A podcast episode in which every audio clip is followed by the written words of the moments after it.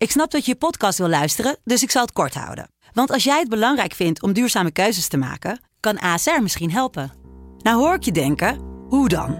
Nou, bijvoorbeeld bij het duurzaam herstellen van schade. Of de premies die we beleggen volgens ons duurzaam beleggingsbeleid. Dat bepaalt waar we wel en juist niet in investeren. Wil je meer weten over welke duurzame keuzes ASR maakt? Ga dan naar asr.nl slash duurzame keuzes. ASR doet het. Zo, dan kan je nu lekker naar je podcast luisteren. Studio Socrates wordt mede mogelijk gemaakt door Unibed. Deze aflevering wordt mede mogelijk gemaakt door Toto. Wat kost gokken jou? Stop de tijd. 18 plus. Há muito tempo você está no meu caminho. Como posso esquecer?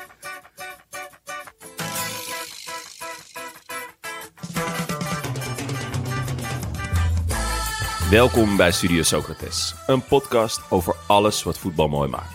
Met elke vrijdag een korte vooruitblik op het weekend. Onze kijk, lees en luistertips over al het moois in de wereld van voetbal. En waar is Jasper nou? Ja, Jasper is een, eh, een druk bezet man. Terug in Nederland, maar niet bij ons aan tafel. Nee, klopt. We weten natuurlijk, eh, eh, hij heeft Oscars gewonnen. Hij heeft de trend gezet eigenlijk voor alle jeugdseries ter wereld.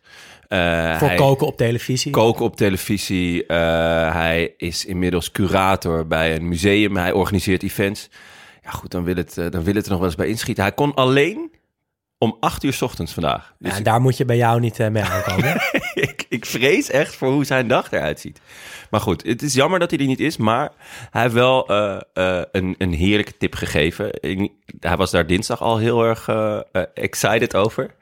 Ehm, dus die eh, zullen wij eh, natuurlijk eh, doorgeven. ja, en dat is namelijk de wedstrijd Vitesse-Sparta. En dan, Wedstrijdje. Ja, zes minuten. Dat is die wedstrijd die gestaakt werd en die nu uitgespeeld moet worden. En die duurt dus nog zes minuten. Ja. En volgens Jasper begrijpen wij en de rest van het land niet hoe sick dat eigenlijk is. Dat er een wedstrijd van zes minuten op de planning staat. Ja. Ehm, en hij vroeg ook aan ons eigenlijk van ja, wat zou je nou doen als je Sparta bent? Gewoon volle bak verdedigen, zes minuten. Dus bij wijze van spreken met drie lange centrale verdedigers, twee verdedigende middenvelders en alle ballen Ja. wegrammen. Of juist druk naar voren zetten. Ja, eh, 100% druk naar voren. Ja? Je moet die bal daar. Je moet die, de, de, ik vond het echt genieten van eh, Real Madrid. ja, Eh, tegen Chelsea. tegen Chelsea de laatste paar minuten.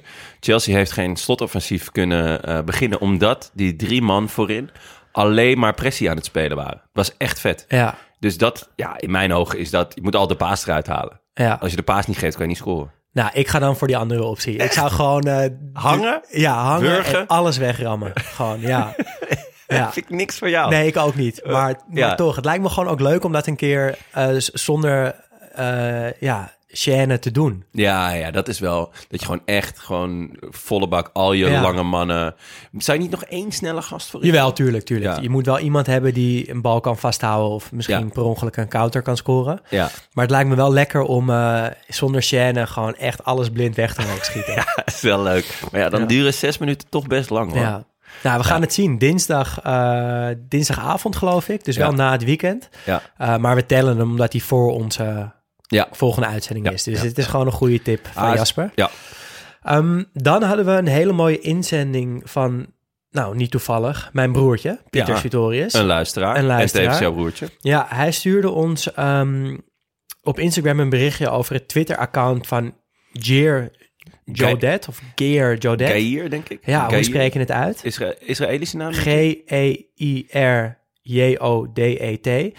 En we hebben onze aflevering over spelinzicht aan hem gewijd. Over zijn onderzoek naar het scannen bij voetballers. Dus in hoeverre hou je je omgeving in de gaten op het Ja. voetbalveld. Hij doet allemaal lijpe onderzoeken. Ja. Echt, eh, waar hij de tijd vandaan haalt. Ik kan me voorstellen dat zijn eh, agenda er ongeveer uitziet zoals die van Jasper. Precies. En hij had dus nu ook weer een drukke week. Eigenlijk vorige week. Want hij was ehm, bij de wedstrijd Manchester City Atletico Madrid. De eerste wedstrijd eh, in, eh, in Manchester dus. En daar hebben ze een camera volledig 90 minuten lang op Kevin de Bruyne gezet. Om Heel dus zijn vet. scangedrag te onderzoeken. En het zijn echt geweldige beelden die je op zijn Twitter kunt zien.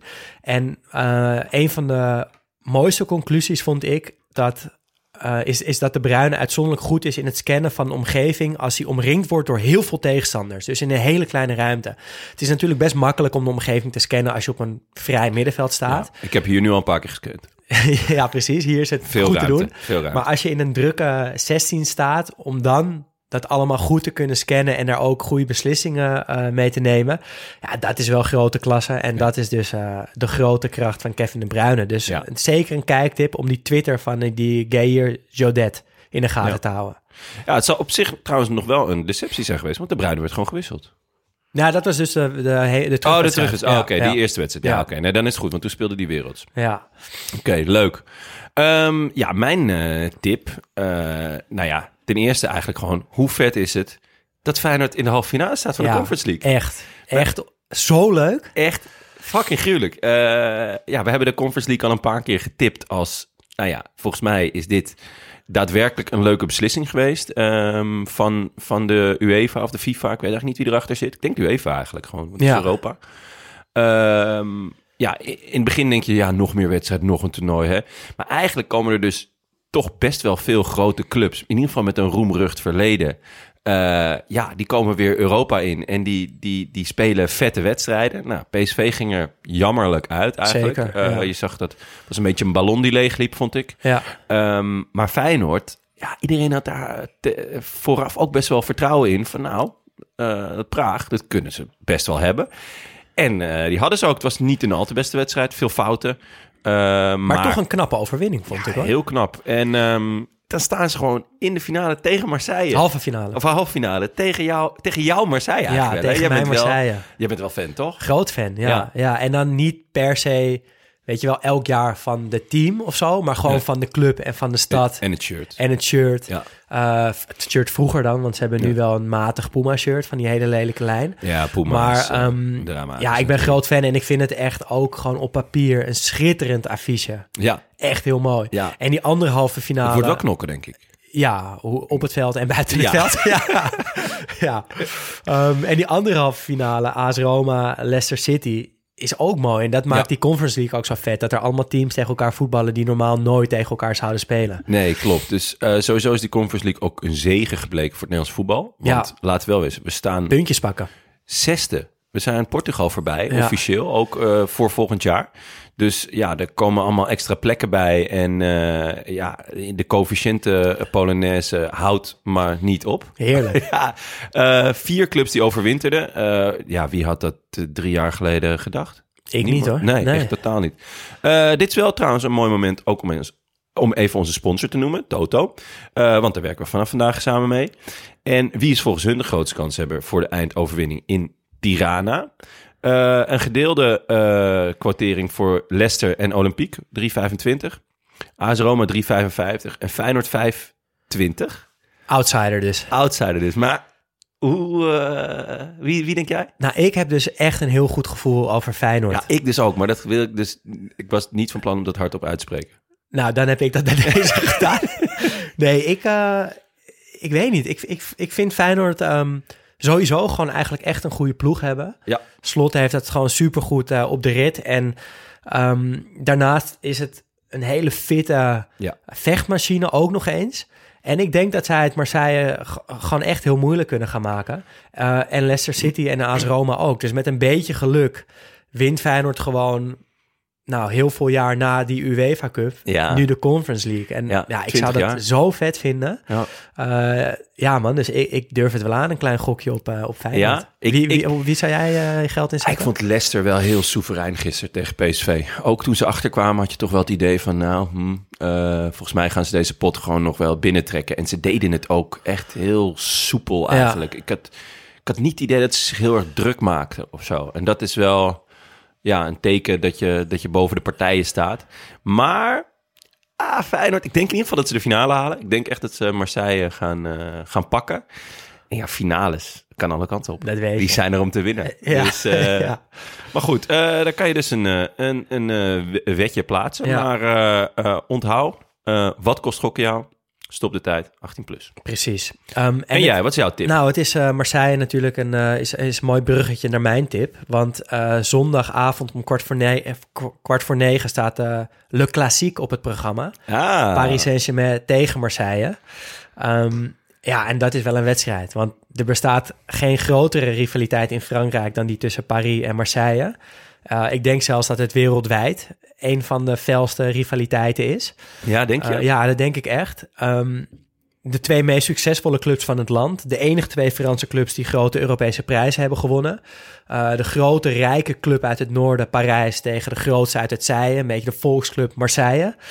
Ehm, en wat me wel opviel, ik wist het wel toen ik het las, maar ik was het wel een beetje vergeten, is dat het is geen traditionele haat en nijd. Die is pas ontstaan in de jaren 80. En dat komt vanwege het simpele feit dat Paris Saint-Germain pas bestaat sinds de jaren 70. Echt? Ja, Is dat zo'n jonge club? zo'n jonge club. Dus Marseille bestaat al sinds 1899 en Paris dus pas sinds de jaren 70.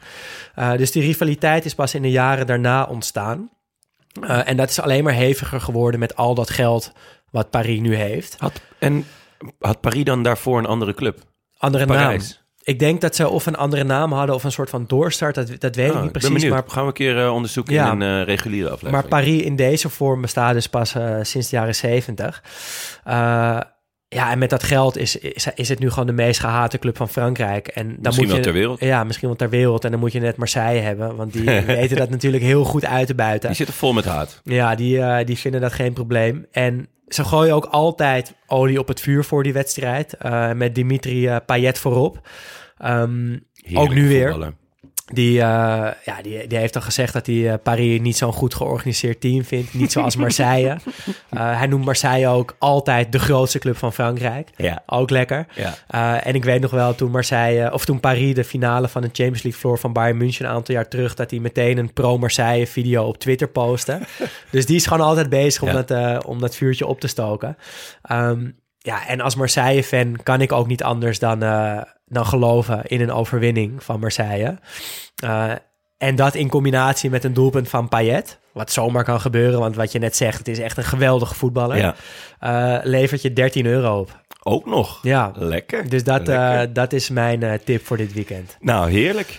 En jij had nog een, eh, een andere mooie tip, hè? Ja, die, die glipt er elke keer een beetje tussendoor. Eigenlijk net zoals de Conference League er een beetje tussendoor glipt. Want we kijken natuurlijk vaak vooruit op vrijdag naar het weekend. En op dinsdag hebben we gewoon onze reguliere aflevering... waarbij we niet per se de actualiteit meepakken.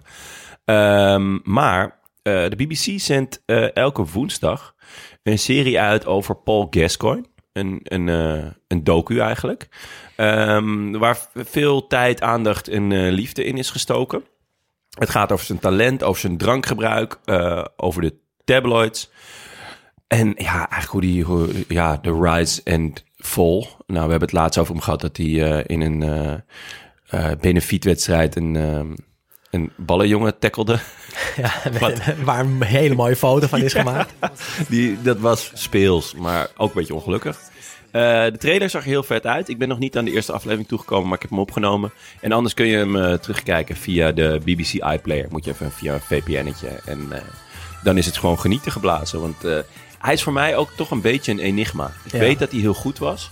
Maar ik weet ook dat het een enorme zuiplap was. Ja. Maar het was ook, ook een verdette of zo. Dus ik ben, ik ben heel erg benieuwd. Echt, Ja, het is volgens mij de perfecte man om een documentaire over te ja, maken. ja, inderdaad. Echt never dull moment. En tot slot ga ik zondag natuurlijk gewoon lekker eh, de bekerfinale kijken. Eh, misschien wel eh, onder aanvoering van jou en, en Jas. Ja, want wij maken weer een, uitzending van Studio Jaxi voor eh, AT5. Vanuit de Ehm, Bloemenbar. Vanuit de Bloemenbar met ja, de Amsterdamse voetballegende Hans Bergsma als gast. Ah. Oud jeugdspeler en trainer ook van Ajax. En de vader van Leon Bergsma, die een aantal jaar geleden de aanvoerder van Jong Ajax was. Ja. Hij is een aantal, eerder, aantal keer eerder bij ons te gast geweest. En dat Lekker was accentje. echt heel leuk. Ja. En echt verstand van voetbal. Ja. Ehm, wij beginnen zondag om kwart over vijf. Eh, maken we drie kwartier een show. En dan om zes uur kijken we met z'n allen de wedstrijd. Hebben jullie het ook aangedurfd om eh, nog een PSV'er uit te nodigen? Of heb je zoiets van... Hebben we geprobeerd. Ja? Ik heb ze Jermaine niet. Vanenburg uitgenodigd. Ah. Maar dat is nu al de derde keer dat ik dat gedaan heb. En drie keer ja, lult hij zich eronder uit met het verhaal dat hij PSV te slecht vindt. ja, ja, dus dat hij gewoon denkt dat Ajax gaat winnen en dat hij niet slecht over PSV wil praten dan. Dus dat hij maar beter eh, niet komt. ja. Oh, het is vet. Heerlijk. Nou, eh, leuk. Ehm, de, wij zijn er woensdag weer. Ja. Eh, in de tussentijd En kan je- niet, eh, niet, niet zomaar een aflevering. woensdag. Nee, inderdaad. Eh, Willy Overtoom Ja. is de gast. Ja, de legende van Ja. AZ. Ik wil één tipje van de sluier wat ik aan hem wil vragen. Ja? Hoe de samenwerking als nummer 10 met nummer 9 Glynor Plet was bij Heracles Almelo. Oh, Wat een duo, toch? Dat is wel echt een heerlijk duo. Hopelijk een komt Gliner ook nog een keer. Ja, dat zou te Ehm, gek zijn. In de tussentijd kan je vriend van de show worden. Dit kan al vanaf 2,50 euro per maand. En eh, daarmee help je ons enorm met het maken van deze podcast. Tot woensdag. Tot woensdag.